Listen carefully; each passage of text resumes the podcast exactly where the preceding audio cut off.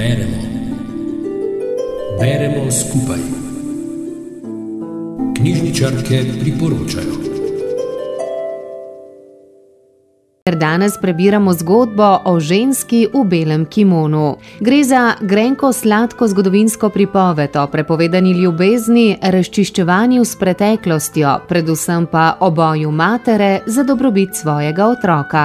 V romanu se prepleta dogajanje v dveh časovnih obdobjih. Najprej spoznamo Tori Kovač in njenega očeta Jimmyja. Tori spremlja očeta v zadnjih dneh njegovega življenja. Slednji na smrtni posteli prizna, da je imel, preden je spoznal njeno mater, na japonskem ženo in otroka.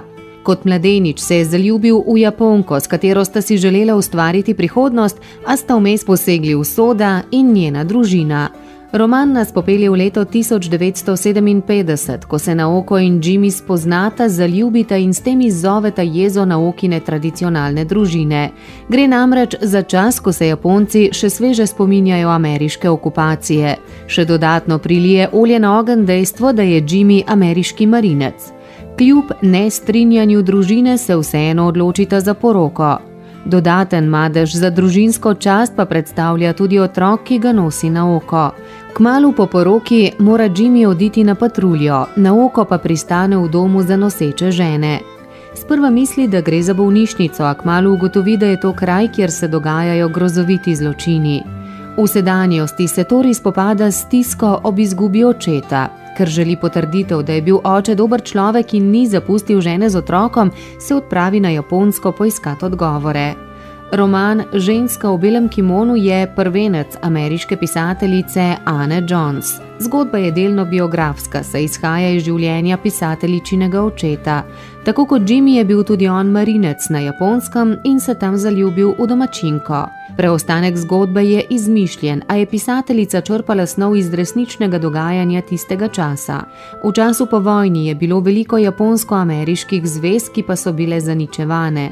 Čeprav zgodba na oko in Jimmyja izhaja iz iskrene ljubezni, se je pogosto dogajalo, da so ameriški vojaki izkoristili mlade Japonke.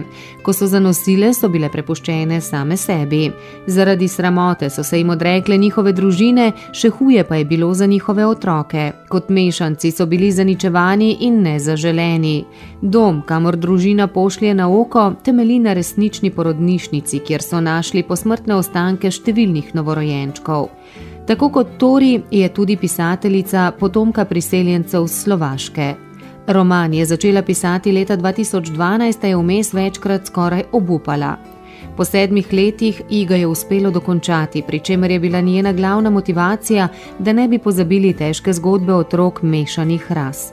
Avtorica je sicer ljubiteljica japonske kulture in ima črn pas v karateju.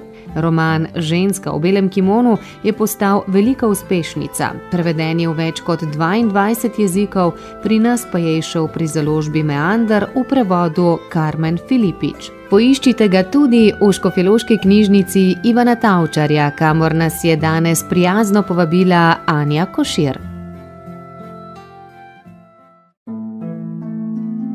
Rubrika Beremo skupaj nastaja v sodelovanju z Radijem Sora.